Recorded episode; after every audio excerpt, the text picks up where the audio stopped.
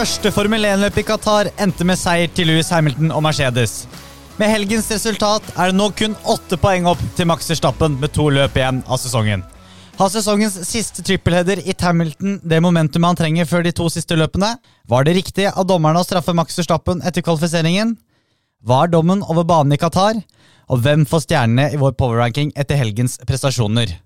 Og med det sier vi hjertelig velkommen til en ny episode av Lights Out Formel 1-podkast. Tredje uken på rad. Merkes? Nada. Vi holder trøkket oppe, må jo det. Nå er det ikke lenge igjen. Det er absolutt ikke lenge igjen. Det er to løp igjen, og det ser jo ut som vi får den eh, fantastiske avslutningen med tanke på eh, sammendraget vi har eh, snakket om i egentlig flere år nå. Ja, for eh, selv om det ikke er de eh, løpene man kanskje gleder seg mest til, så begynner det å kile litt i magen, fordi allerede neste løp så kan vi teoretisk sett krone en verdensmester. Eh, Max Verstappen i det tilfellet. Eh, og så er det spenningsmomentet at hvis Louis Hamilton vinner og tar fast lap, så er det helt Og, og Max kommer på andre, så er det helt likt inntil Abu Dhabi, og det er, eh, det, det er usannsynlig spennende. Vi kan jo gå til Qatar Grand Prix. Det tredje siste løpet for sesongen. Det var liksom da vi flyttet fra Sør-Amerika over til disse Gulflandene. Det var jo både Fifa og David Beckham og alle disse store, høye herrene med mye penger eh, var i Qatar. Ja, De løper rundt ut på den griden der. Jeg syns det er sånn, ja ja. Er det det det har blitt? Et sirkus? Formel 1 har alltid vært et sirkus. Ja, men Nei, jeg er ikke blodfan av det hele det opplegget der, altså. Ja, Det er jo for å kjøpe seg på en måte litt uh, Et fint ansikt, da, kan man si. Ja, altså liksom er det sånn Nå overgir vi stafettpinnen videre til VM neste år. De tok jo et bilde hvor de sto liksom på oppløpssiden, hvor de da liksom sendte stafettpinnen videre. Ja. Det er, det er lite ansvarlig, Ja. må jeg si. Men uh, med tanke på det som har foregått, i hvert fall uh, til fotball-VM. Altså, ja, det er en annen sak. Liberty Media som styrer dette, de viser jo i teorien fingeren til uh, alle disse menneskerettighetsorganisasjonene. da. Ja. Ja, det gjør det. Så, men vi kan jo gå til kvalifiseringen. Både Perez, Ricardo og Leclerc røk allerede ut i Q2. Hamilton nok en gang overlegen. Veldig overraskende med Perez, den sa ikke kom i det hele tatt. Og han skyldte vel litt på timingen, gjorde han vel. Mens eh, Leclerc, han eh, skjønte jo ingenting. eh, han holdt jo på å ryke først, i Q1. Og så skjønte han jo ikke hvorfor han var nesten et sekund bak Science en periode, over teamradioen. Men de fant ut etter løpet at det var jo eh, annen, eh, et eller annet med chassis, så de måtte bytte hele chassis. Så Mm. det var nok det som var grunnen til det, mens Peres han var bare ikke rask nok, eh, for å være helt ærlig. Det er jo den forbannelsen igjen, da. Av å være andrefører som igjen ikke får det til med en Red Bull. Og mye svinger, og en bil som er kjent for å understyre litt.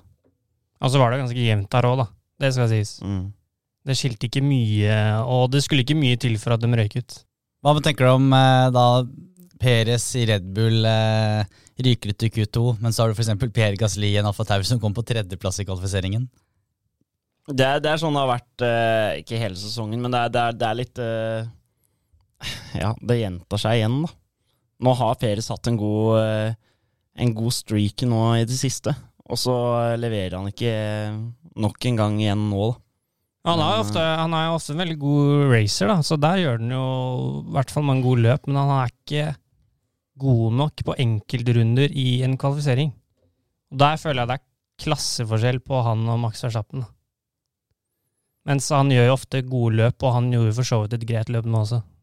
Ja. Det er, det er litt det der at uh, siden det alltid har vært en andrefører som ikke leverer, da, etter Ricciardo, så er det på en måte Man kan se det litt som halvfullt eller halvtomt, da. De eh, lar eh, Max på en måte styre De designer bilen etter hans kjørestil. Han er prioritert på alle mulige måter. Og da får du jo, får du jo en som Max Verstappen, da, som er med og, og leder VM, men så har du også en andrefører som sliter. da. Så er spørsmålet om de hadde latt litt Om de hadde lagt litt mer til rette for den andreføreren. da. Kanskje ikke hadde hatt eh, Max Verstappen som leder VM. Men det, sånn har jo aldri Red Bull vært egentlig gjennom årene. De hadde jo en periode med Fettel og Webber som var Fettel var den klare førsteføreren, og så hadde de jo Ricardo som valgte å forlate Red Bull fordi at de skulle satse på Max. Så sånn har det alltid vært i Red Bull, egentlig. Ja.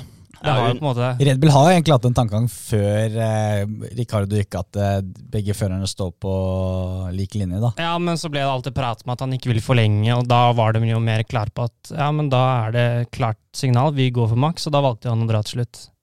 Men Mens, Max var jo hva skal jeg si, retningen å gå, da. Når du har en ung fører med verdensmesterpotensial. Jeg sier ikke at Ricardo ikke hadde det, men Nei. Men så kan du se mot Ferrari også, som valgte å kvitte seg med Fettel og satse på Leclerc òg. Og Mercedes på en måte som er i ferd med å forberede seg litt på det samme med å hente inn Russell for eh, fremtidig erstatt for Hamilton. Også.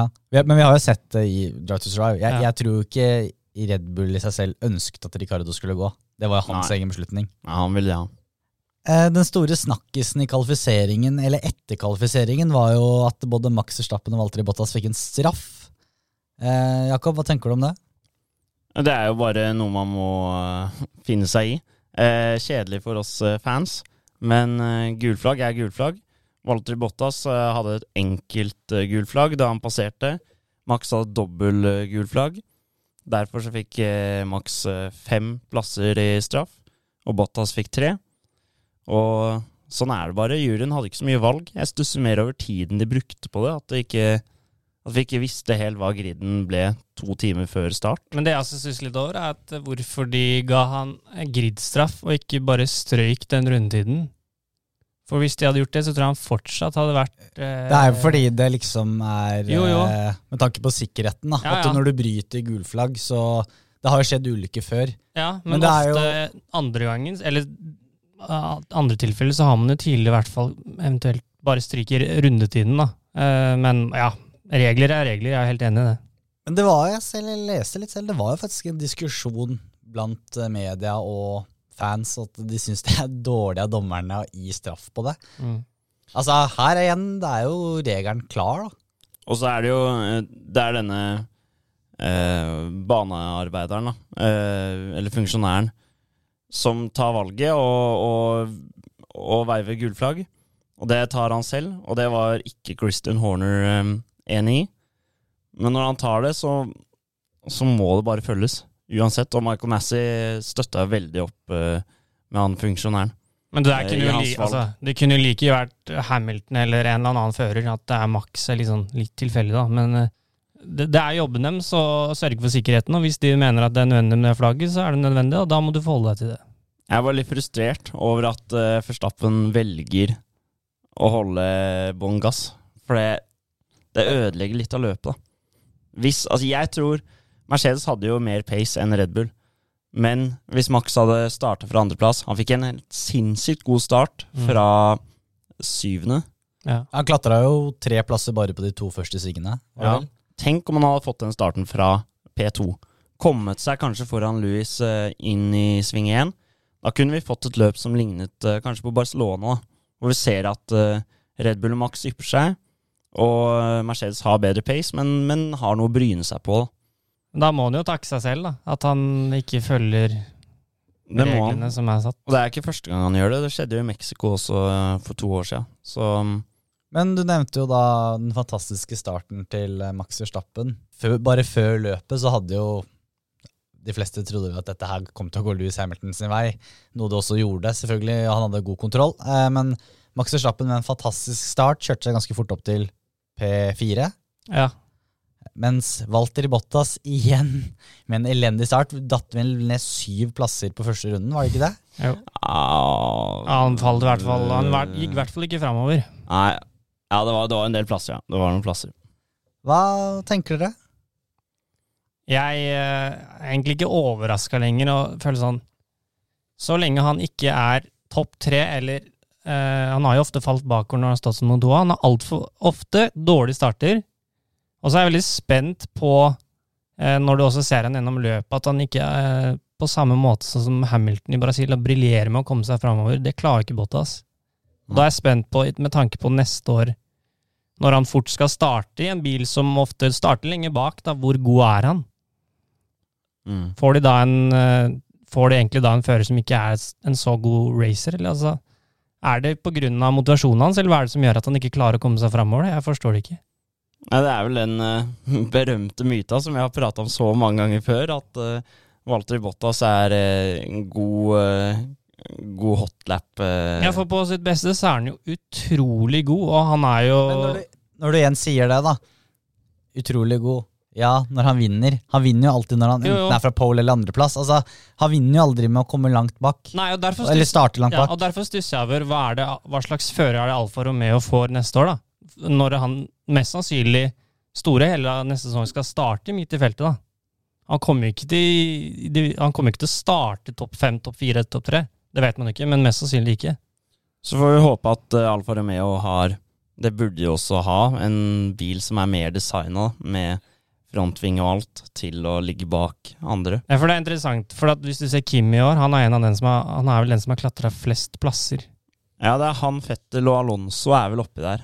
Så han får håpe at kanskje designen på den bilen passer bedre i å ligge i et felt enn det Mercedes-bilen gjør, da. Men uh, han er utrolig god på sitt beste, og han har jo like mange polls som Hamilton år, og da forstår jeg ikke hvorfor han sliter så mye løpende.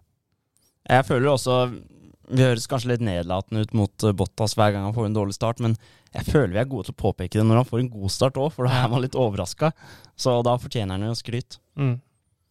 Men hva tenker du igjen om Max Verstappen av sin fantastiske start? Og kjører egentlig et ganske solid løp sånn sett. Kommer da på andreplass til slutt. Og det er damage limitation overfor Mercedes og Hamilton. Damage limitation, det er, det er helgens ord. Altså. Det har Christian Horner sagt uh, mye. Ja, Det har de sagt nå de to siste. absolutt. Men det virker som liksom Max holder fortsatt hodet kaldt, da. Mm. Og du ser jo det inn i sving to der, når uh, Alonso drar litt ut på sida. Han tenker ok, det er et helt løp. Det er ikke kun to svinger, dette her. Ja, jeg må si jeg er imponert, for uh, Max Verstappen hadde um, kanskje allerede vært verdensmester hvis det ikke var for en del uheldige hendelser i uh, sesongen, som er ja, de, de to som har såra mest, det er eh, Mercedes sin feil, kan man Mm. si, da. Uh, men Nei, jeg, jeg vet ikke. Det, det må da begynne å koke i toppen snart. Han må da kjenne det i magen nå. For nå er det to løp igjen. Han kan bli verdensmester for første gang. Altså, en VM-tittel er ikke Ja, det er, det, er ikke, det er ikke små greier, altså. Men jeg tror så lenge i hvert fall han føler at eh, han ikke er ja, De sliter litt med farten, at de ikke klarer å følge dem, så er det én ting. Men når du kommer da inn i de to løpene, eller om du kommer til Abu Dhabi, de står likt, da. Mm. Da, da skrur han på topplokket. Da kommer han til å bli desperat, tror jeg. Altså. Jo, så i, Hvis det er siste løpet det står om, så tviker jo Red Bull Ja, eh, ja, ja, bilen til det ypperste. Om det så da ryker, så gjør det det, liksom. Ja. Mens nå må du holde igjen. Mm. Men jeg syns han har kjørt voksen det hele år, da, med tanke på at han kjører for sin første VM-tittel. At han har, han har gjort veldig få feil. Han har vært utrolig stabil. Han har det, og det der med Max Verstappen, det ryktet han hadde før, da, med å være litt uh, veivete og, Ok, han er litt veivete, da, men, men, Men, han, er, han er mye mer aggressiv enn Louis Hamilton i kjørestilen. ja, Det er vel det man kan påpeke. ja. Men det at han Før så kunne han på en måte bli litt for hissig og uh, tabbe seg ut sånn for sin EU, sånn at det gikk utover han selv også. Og der føler jeg han er mye bedre, for Louis Hamilton gjør også feil. Han gjorde feil på Imola og flere forskjellige baner både i år og i fjor. Så Men det har jo egentlig fra Max Verstappen kommet inn, og Red Bull begynte å snakke om at ok, nå skal vi kjempe om VM-tittelen sammenlagt, mm. så har han på en måte tatt steg for steg hvert år. Du har sett en stadig jevn utvikling i hvor trygg han har blitt, og hvor eh, stabil. Ja, Og så ser man både han og Louis Hamilton utstråler jo alltid veldig rolig. Noe som kanskje er litt kjedelig, men det er ofte den derre Begge to gjør på en måte De er bare helt verdensklasseførere, og lagene gjør alt for dem.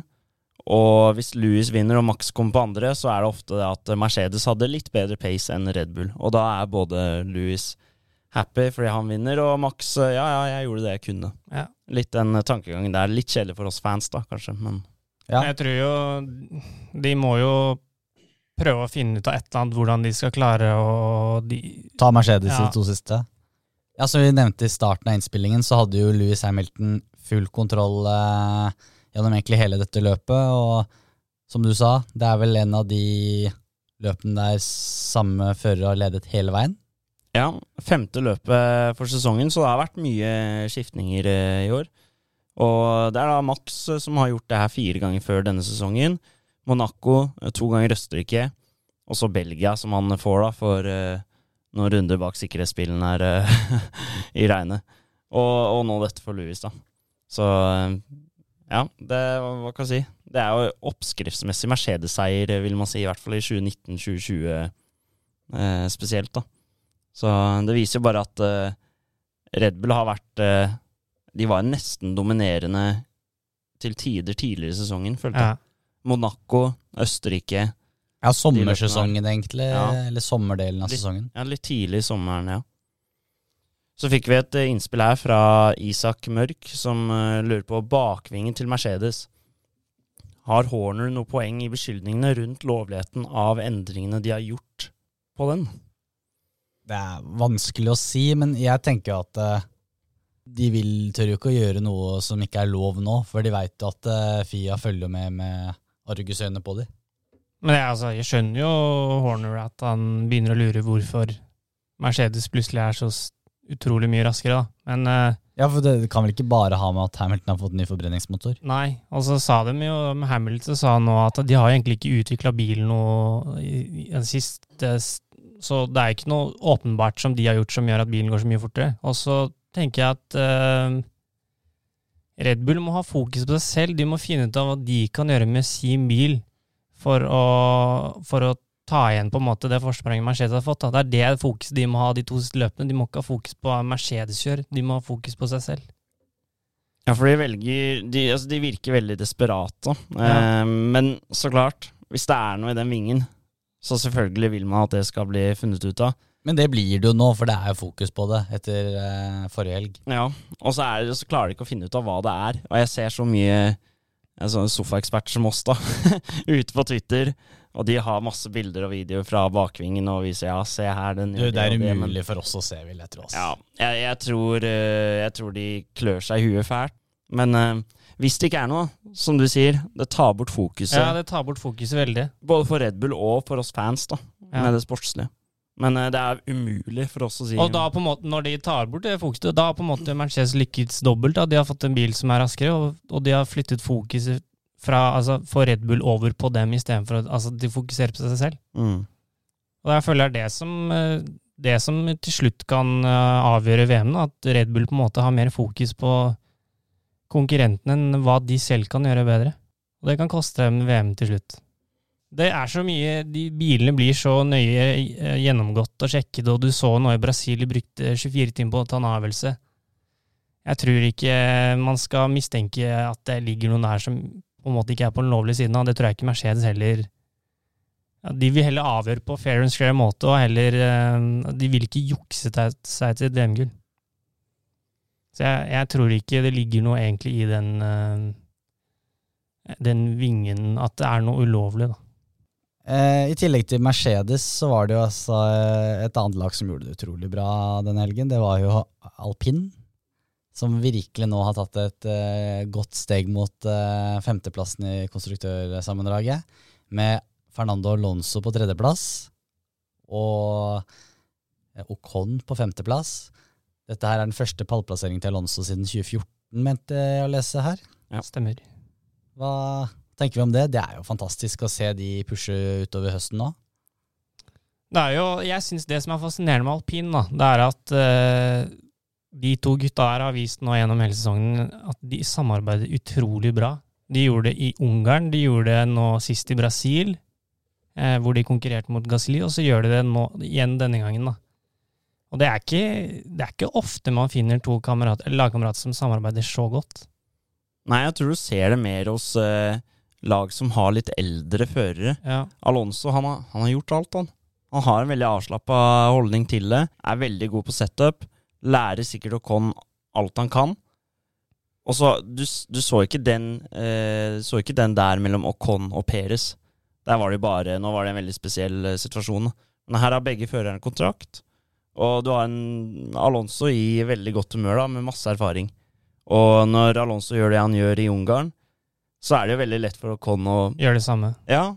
Og, og så, Det virker som det er et veldig godt dynamisk forhold innad i det laget, da. Ja, og, og når du kjemper om pallplasser da, i et lag som alpin, så, så har det ikke noe å si om han andre føreren kommer på femte eller sjuende. Det er jo ingen som husker det.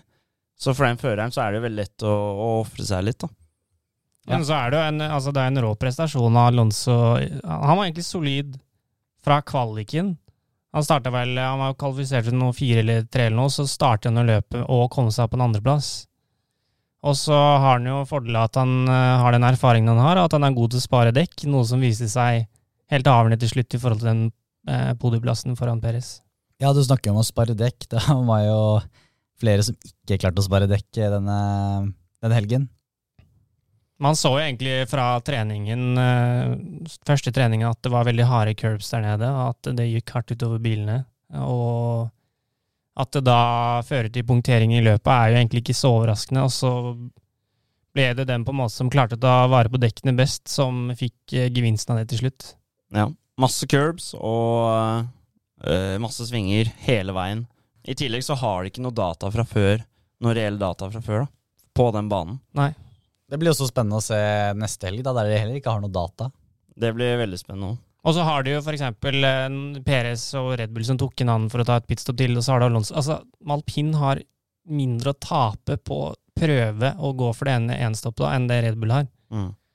Og da blir liksom Enten så lykkes du, eller så lykkes du ikke. Og når du da igjen klarer liksom å ha den dynamikken mellom Ocon og Alonso som ofrer seg for hverandre, så står de igjen med en podieplass til slutt. Og så når du ser eh, podiet, da, når Hamilton, Verstappen og Alonso står der, da, så tenker jeg bare fy fader, for en trio opp på Ja. podiet der, da. Jeg tenker eh, kidsa om 30 år, da, når de blir interessert i Formel 1, begynner å se litt dokumentarer, og så ser de liksom Max Verstappen, som nå er 23 år, og eh, Alonso som er Over 40. ja, 39, 40, Ja. 41 På samme podiet. da. Og jeg kjørte de to sammen, liksom. Er de to i samme epoke?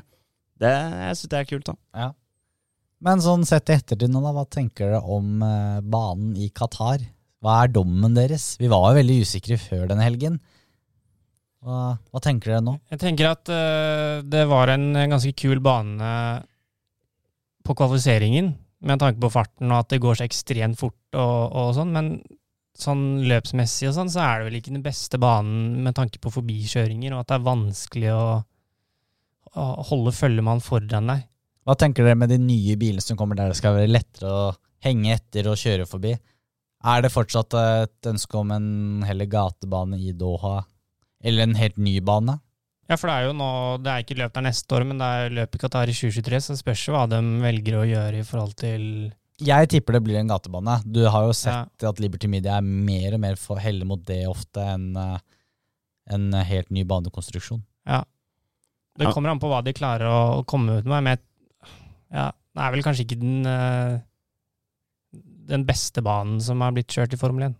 Nei. Man er jo veldig Man er litt snillere når man eh, kritiserer denne banen, da, for det var ikke planen at det skulle bli kjørt løp her. Den er, ikke, den er vel ikke laget for Formel 1, men det, det, det funka. Altså, jeg tror det var veldig morsomt på kvalifisering. Kanskje ikke så bra løp, men en eh, heftig DRS-sone på restrekken eh, reddet løpet. Ja, for det, det med, altså, med tanke på at det, det går så fort, da banen er så rask, så betyr det altså at avstanden mellom bilene blir større. Mm. Og det, det så man veldig tydelig etter løpet, i hvert fall. Det som er bra, da, som man må gi skryt for, er at eh, det er vel mange av de nye banene som eh, kjører den klassiske oppskriften med å ha et rettstykke og så en ganske brå sving, som sving 1. Men her har de litt raskere svinger, så eh, på en måte Vi så jo da Peres gikk forbi Ocon, så tenkte man kanskje ja, der gikk han forbi. Men da var det ikke helt over ennå, for svingene er så raske, så det er på en måte det fortsetter Ja, gjennom da- eh, flere deler av løpet. da. Ja, Det var da du sa Ocon, for da, da han skulle ikke gi seg og slippe Peres billig forbi. Han sa jo også at han hadde jo klart å eh, sanke ned tempoet til Peres med to og et halvt sekund eller noe i forhold til Alonso. Mm. Og så er det morsomt når Alonso ber eh, Ja, fight like a lion. Fight like a lion, og så da Peres gikk forbi, så tenkte jeg ja, det var en løveunge, det der. Men eh, han ga seg ikke så lett, da. Skal vi ta oss og gå videre og se på power-rankingen etter eh, denne helgens førerprestasjoner? Hvem er det du har på tre stjerner, Jakob? På tre stjerner så har jeg Fernando Alonso.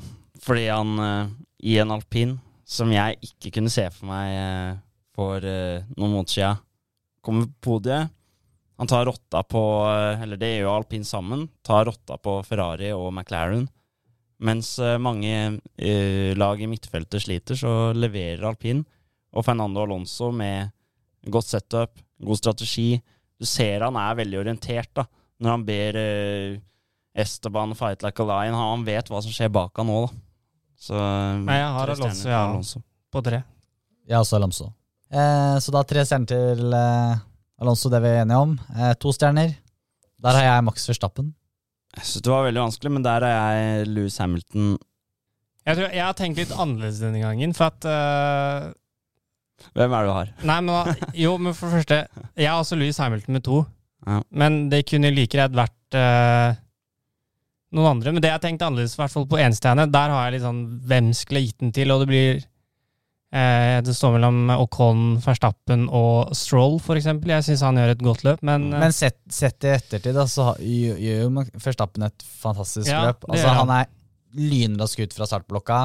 Eh, han har god kontroll over andreplassen. Eh, får ekstrapoeng. Det, altså, han hadde jo ikke hatt sjanse til å hamle opp med Hamilton i dag. Nei. Eller på den, helgen, den helgen som var. Men eh, han gjør et veldig bra løp. Men han retter jo på en måte- bare opp feilen hans fra dagen før, tenker Ja. jeg da. Som poengmessig, i hvert fall. Jeg syns bare det har blitt litt sånn uh, Hvis man skal se på rankene Altså, du forventer at Hamilton og Max skal være der oppe. Mm. Og derfor får de også mye stjerner. Det sier seg selv. Men når du da altså får noen som eh, faktisk endelig leverer eller får et solid løp, da, sånn som for eksempel eh, Stroll, som har hatt en elendig sesong. Og Conn Con også kjørte Ja. kjempebra. og når de, når de da klarer å bli nummer fem og seks da, i et løp som eh, du ikke forventer at de skal levere eh, på, fra, på forhånd, så syns jeg prestasjonen deres Er bedre. ja, enn maks som du forventer. Eh, når du har sett sesongen over ett, og han starter under nummer sju, så forventer du egentlig at han skal kjøre seg opp den andreplassen. Men hvem- hvem vil du ha på to stjerner? Men du, ok, vil du ha Nei, altså- Men ok, skal vi, skal, vi, skal vi gjøre det? Altså, det kan jo være litt kontroversielt, da, men skulle vi satt for eksempel eh, Ocon på to stjerner og Stroll på én, da? Ja, for jeg tenker jo, hadde Og så ikke dropper vi både Hamilton For og hadde Verstappen. ikke, hadde ikke Ocon hindret eh, i hvert fall Perez i de par rundene han klarte å hindre han, så hadde ikke Alonso tatt den pallen. fordi til slutt så skilte vel to sekunder, og mye grunn til det at det var jo virtual safety car, så Perez fikk jo ikke sjanse til å prøve å komme seg forbi heller. Og så syns jeg bare det er, ja, det er noe med den dynamikken da, når Ocon faktisk ofrer seg, det han gjør, og samtidig tar en femteplass. Ja, det er jeg enig i. Så er det imponerende. Ja, det er sant det. At han skal ha litt plusspoeng for Ja. uh, forsvarsjobben her. Ja. Ja, men skal vi gå for Ocon på to stjerner? Ja. Og Stroll på én, Da eller? kan jo hende Stroll får sin første, da. Stroll, Jeg har satt Lance Stroll på én stjerne, Ja. faktisk. Skal vi jo bare være litt kontroversielle denne gangen, da. Så utelater vi Hamilton og Forstappen fra denne Hamilton, Hamilton og Max de har sin egen ranking. De er, Nei, men altså, jeg syns jo begge de gjør Ja. en god prestasjon. Jeg, jeg syns du har gode poenger i det du kom med, Andreas. da har faktisk Stroll Da er det ikke mange igjen som mangler en stjerne. Altså. Nei, det er vel uh, Massepin. Uh. Rai, Rai, ja, han har vel ikke fått noen stjerne, nei. Nei. Nei, det er vel et par andre, og det husker jeg ikke. Men uh. Ja, men da er vi enige, da. Ja. Fernando Alonso på tre, Og Con 2. Og, og Stroll på én Ja, den stjerne. er fin. Mm. Skal vi ta oss og se på sammendraget også, Jakob? Vi nevnte jo at det nå er åtte poeng mellom eh, Lewis Hamilton og Max Verstappen. Det er det, med 351,5 poeng på Max Verstappen, 343,5 poeng på Louis Hamilton. Walter Bottas er på tredjeplass med 203 poeng. Sergio Perez ikke så langt bak nå med 190 poeng. Det er fortsatt innenfor rekkevidde, den eh, tredjeplassen, teoretisk sett, i hvert fall. Lando Norris fortsatt uh, femteplass Ja, med 153 poeng, men bare så vidt. For der er Charles Clair på sjetteplass, ett poeng bak. Og så har vi Carlos Sainz 145,5 poeng. Så det var førerne. I eh, konstruktørmesterskapet så har da Mercedes 546,5 poeng. Red Bull har 541,5. Ferrari har 297,5. McLaren 258 poeng. Og eh, alpin har eh, endelig tatt et eh, lite grep om denne femteplassen etter en superhelg med 137 poeng foran Alfa Tauri som har 112. Så det er vel da Mercedes Red Bull-duellen, så har vel Ferrari avgjort mot uh, McLaren. Så har vel egentlig alpin nå mer eller mindre avgjort det mot Alfa Tauri. Mm. Det er mye penger, altså, Ja. som alpin skaffer der. Det er viktig. der. Det er Mm. synd at eh, Vi kan jo nevne det kjapt. Det er synd at Gasly ikke fikk det til i løpet. da Han var helt vill i kvalifiseringen. Ja. Mm. Han, eh, han sa ja, han visste ikke hvorfor eh, bilen var så dårlig. Det var eh, Han sa han hadde null grep, og ting gikk ikke i veien. Dessverre. Og så er det litt sånn jeg tenker, når du ser da konstruktørsammendraget mellom Mercedes og Red Bull, så er det nesten litt på hvilken andre fører som fucker opp. Ja, men det er jo det, da. ja. Mm. Fordi Max og Hamilton er jo der oppe. Vi har jo vært litt sløve her i denne podkasten på F1 Fantasy siste måned, eller hva, Jakob? Vi har vært altfor dårlige. Vi fikk en melding på Instagram at uh, skal dere prate om fantasy snart? Og vi har jo gjort det, eller Andreas, du har jo gjort det bra. Du ligger på sjetteplass i ligaen vår, gjør du ikke det? jo. Ja. Jeg og Mr. Nerstad har jo, vi har jo dette helt ut. Og så er det siden, siden vi har dette helt ut, så gidder vi liksom ikke å prate om det her i poden. Men det er fortsatt uh, folk som gjør det bra i ligaen her, så Ja, Det er svakt av oss. ja, det er, det er svakt av oss. Det er det. Men uh, vi hører på våre lyttere, så derfor tar vi det opp uh, denne gang. Det gjør vi. Og den som var best denne runden, det var Pontus E. Han har fått eh, 328 poeng. Han hadde Forstappen som megadriver, Peres som turbodriver, han hadde Carlos Sainz, Mick Schumacher, George Russell og Red Bull som eh, konstruktør. Så han Det er, er sterkt jobba. Jeg, jeg skal, jeg sier det nå, jeg skal huske å bytte til eh, neste runde. Så skal jeg prøve å skåre noen bra runder, i hvert fall, selv om jeg er langt ned på lista. Ja, for du har vel noe wildcard det nå, så du kan jo rotere litt på laget ditt. Ja, det bør jeg få til. Må jo klatre litt. Jeg må, Jeg tenker, jo, jeg tenker jo kampen om hvem som vinner totalt, er jo faktisk ganske åpen. Da. Du har uh, Martinez som er på topp, med 3953, og så har du Peder på andre med 3932. Den er jo egentlig helt åpent. Og så er det jo kanskje ja, Niklas på tredjeplass, som kanskje det kan bli litt langt opp, men eh, mye kan jo også skje de siste løpene, og da handler det om å kanskje litt, ta litt andre valg enn de foran deg, hvis du har lyst til å klatre litt. Jeg tenker at det er sånn som vi som ligger litt langt nede, vi har ikke noe å tape på å ta litt sjanser. Nei, vi er som alpin, vi. Vi er som alpin. Midtfeltet der. Ja. Så gunner du på med å få inn Hamilton, da. Det må til. Nå skal han uh, bruke den samme motoren som han gjorde i Brasil. Ja. Den skal han bruke nå i Saudi-Arabia. Jeg så Så det kan, bli, det kan bli farlig. Da, det blir spennende på den vannen. Mm. Skal vi ta oss og gå videre til ris og ros? Yes.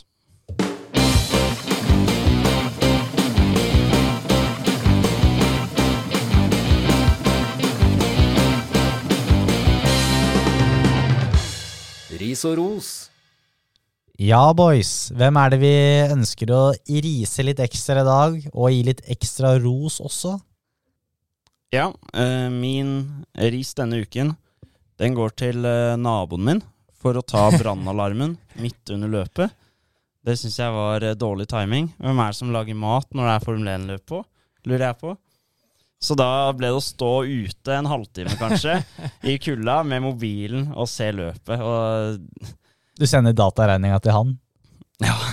Og så er det jo ikke sånn at eh, den vekteren kommer med en gang og skrur av den alarmen, så vi sto der en halvtime før man kunne gå inn igjen. Men eh, sånn skjer. Kald opplevelse, da. Ja. Varmet eh, det du så i Qatar deg, da? Litt. Det var noen punkteringer og noe sånt, så det var, det var greit. Andreas, hvem er det som får din eh, ris denne uken? Nei, min ris går til en vi har snakket om uh, tidligere, og det er egentlig uh, Bottas. Jeg er bare skuffa, rett og slett. Ja. Jeg syns ikke han leverer som han burde, og jeg syns han har slukna litt, egentlig. Så han får uh, ukens ris av meg. Min går til ja, Fifa, Liberty Media, David Beckham.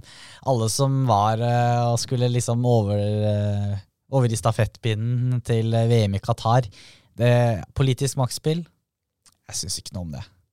Nei, det blir ikke noe bedre enn Det er liksom litt inni den der, de løpene man har kommet til nå, da. Det er jo sportsvasking på høyt nivå. Altså Ikke bare det at det, det de driver med der nede osv., men her har de jo dødd hundrevis eh, Ja, flere, flere enn tusen kanskje, for å bygge de stadionene til fotball-VM. Ja, det er en ting. Og så tenk, hva, hva, hva med disse arbeiderne som skal bygge den der banen i Jedda gjennom eh, for å rekke det, da? De må søren meg få ros det etterløpet, tror jeg. Ja, nei, det, nå har det jo kommet ut bilder, og det begynner å se bra ut der. Stått på de gutta. Så Absolutt. det, absolutt. Ja. Nei, vet du hva, jeg, jeg syns denne uken eh, bør gå til eh, naboen din, Jakob. Å ja. ja. ja. Mm. ja. Enig. Det er litt gøy å gå en annen retning også. ja Skeier ut litt. Skeier ut. Så naboen til Jakob skylder han eh, litt ekstra mobildata. Så hvis du hører på nå, så får du komme ned med en sixpack med øl Ja. eller sånt til Jakob eh, en lørdag. Så er det liksom, så er det glemt, tenker Ja, jeg. ja, det er greit. Hvem er det som forteller litt ekstra rosa? Jeg vil gi min ros denne uken til uh, Kimi. Det var rett før vi gikk på her, så uh, la han ut en uh, My Story, hvor han da blir filmet av at han bytter uh, dekk på bilen til kona si. Jeg syns det er bra å ha så mye penger, og allikevel så sitter du der og bytter dekk sjæl, da. Det er, det er sterkt. Det, ja. Like rask pitstop som teamet hans, eller? Kanskje, kanskje. Det er rask. Han tar over neste gang, han da. Han, blir, han eh, sitter ikke i bilen neste gang, men bytter dekka isteden. Mm. Han er en veldig jordnær person, da, så han skal faktisk ha mye skryt for det. Ja, han og Fettel. Fettel kanskje gjør det selv òg, det kan jeg se for meg. Ja. Ja, det tror jeg, ja. Mm. Hva med deg, Andreas? Vet du hva, jeg har eh, to ros denne uken. Den ene har vi snakket mye om alpin, eh, for eh, ja, hvordan de jobber som team.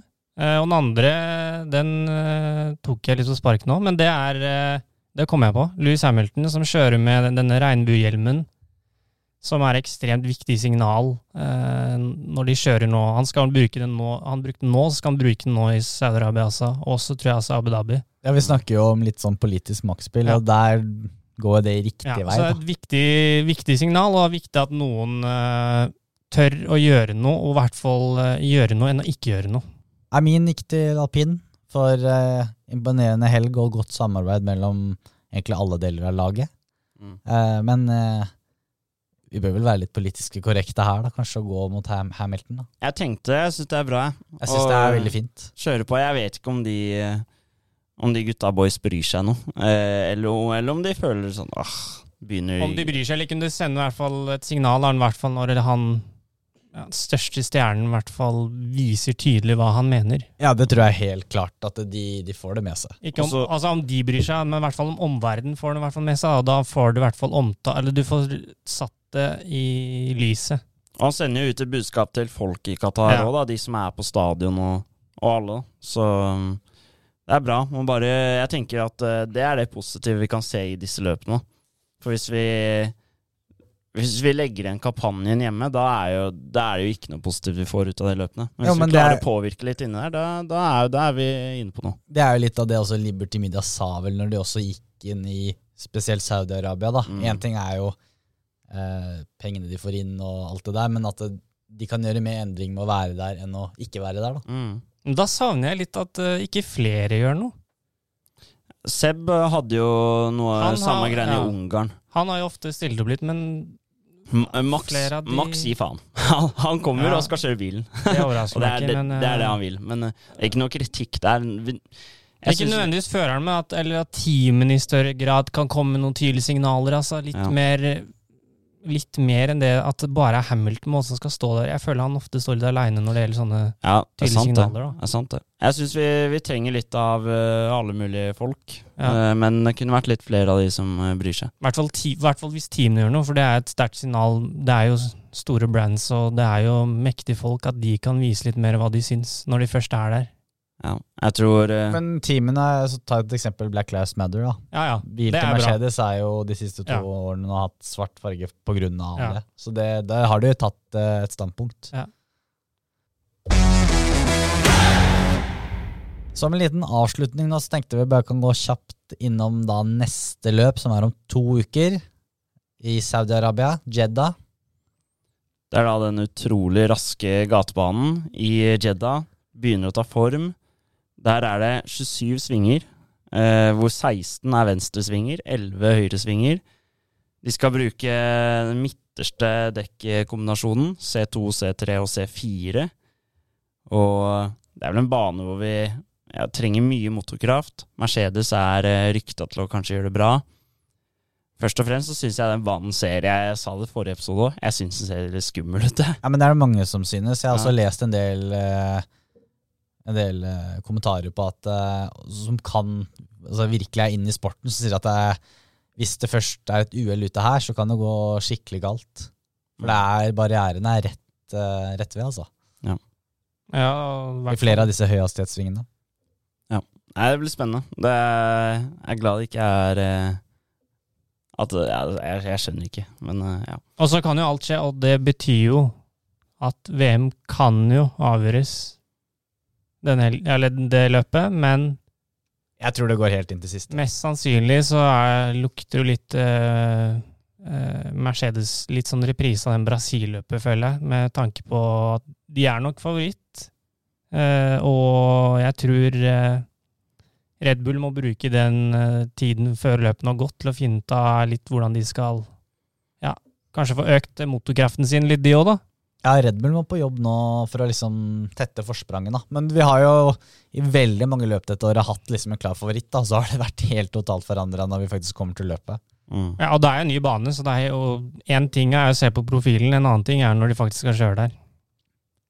Vi har jo kommet til baner før, som eh, USA, hvor uh, vi forventa at det her er en Mercedes-bane. Og så tok, tok Red Bull eh, ledelsen. Og helt, eh, helt vi, vi kunne ikke Vi kunne ikke forklare det. Nei. Men eh, vi er en fanpodkast. Hvem er det vi håper vinner dette sammendraget til slutt? Altså, Det høres veldig sånn kjedelig ut å si det, men for meg så er det ikke så viktig hvem som vinner, hvis, så lenge det er fight helt til siste slutt. Altså, Jeg vil ha fight til siste liksom, rundene. Ja, Men hvis Eh. det blir den, da? Hvem håper du vinner, da? Det, det, det er samme for meg, egentlig. Ja. Men du Altså- kommer sikkert til å merke det der og da, da hvem du heier på. Jo, liksom. men altså, vi har jo, jeg har jo sagt tidligere på den at uh, du har jo lyst til at Max Verstappen skal vinne, fordi man er lei av at Mercedes har dominert. Uh, men det er vel egentlig bare den der kampen om det man egentlig har hatt et ønske om. da. Det hadde vært gøy å se Hamilton blitt historisk, da, med flest enkeltseiere, flest pop positions og flest sammenlagtseiere. Så Men eh, det det er samme for meg. Jeg vet ikke hva du tenker, Andreas? Jeg vet at du er pro Red Bull, Eh, Jakob. Ja, jeg er litt pro Max. Jeg er jo fan av Pro Max. Jeg er litt eh, jeg er fan av, eh, fan av Hamilton som person, og han er jo en legende.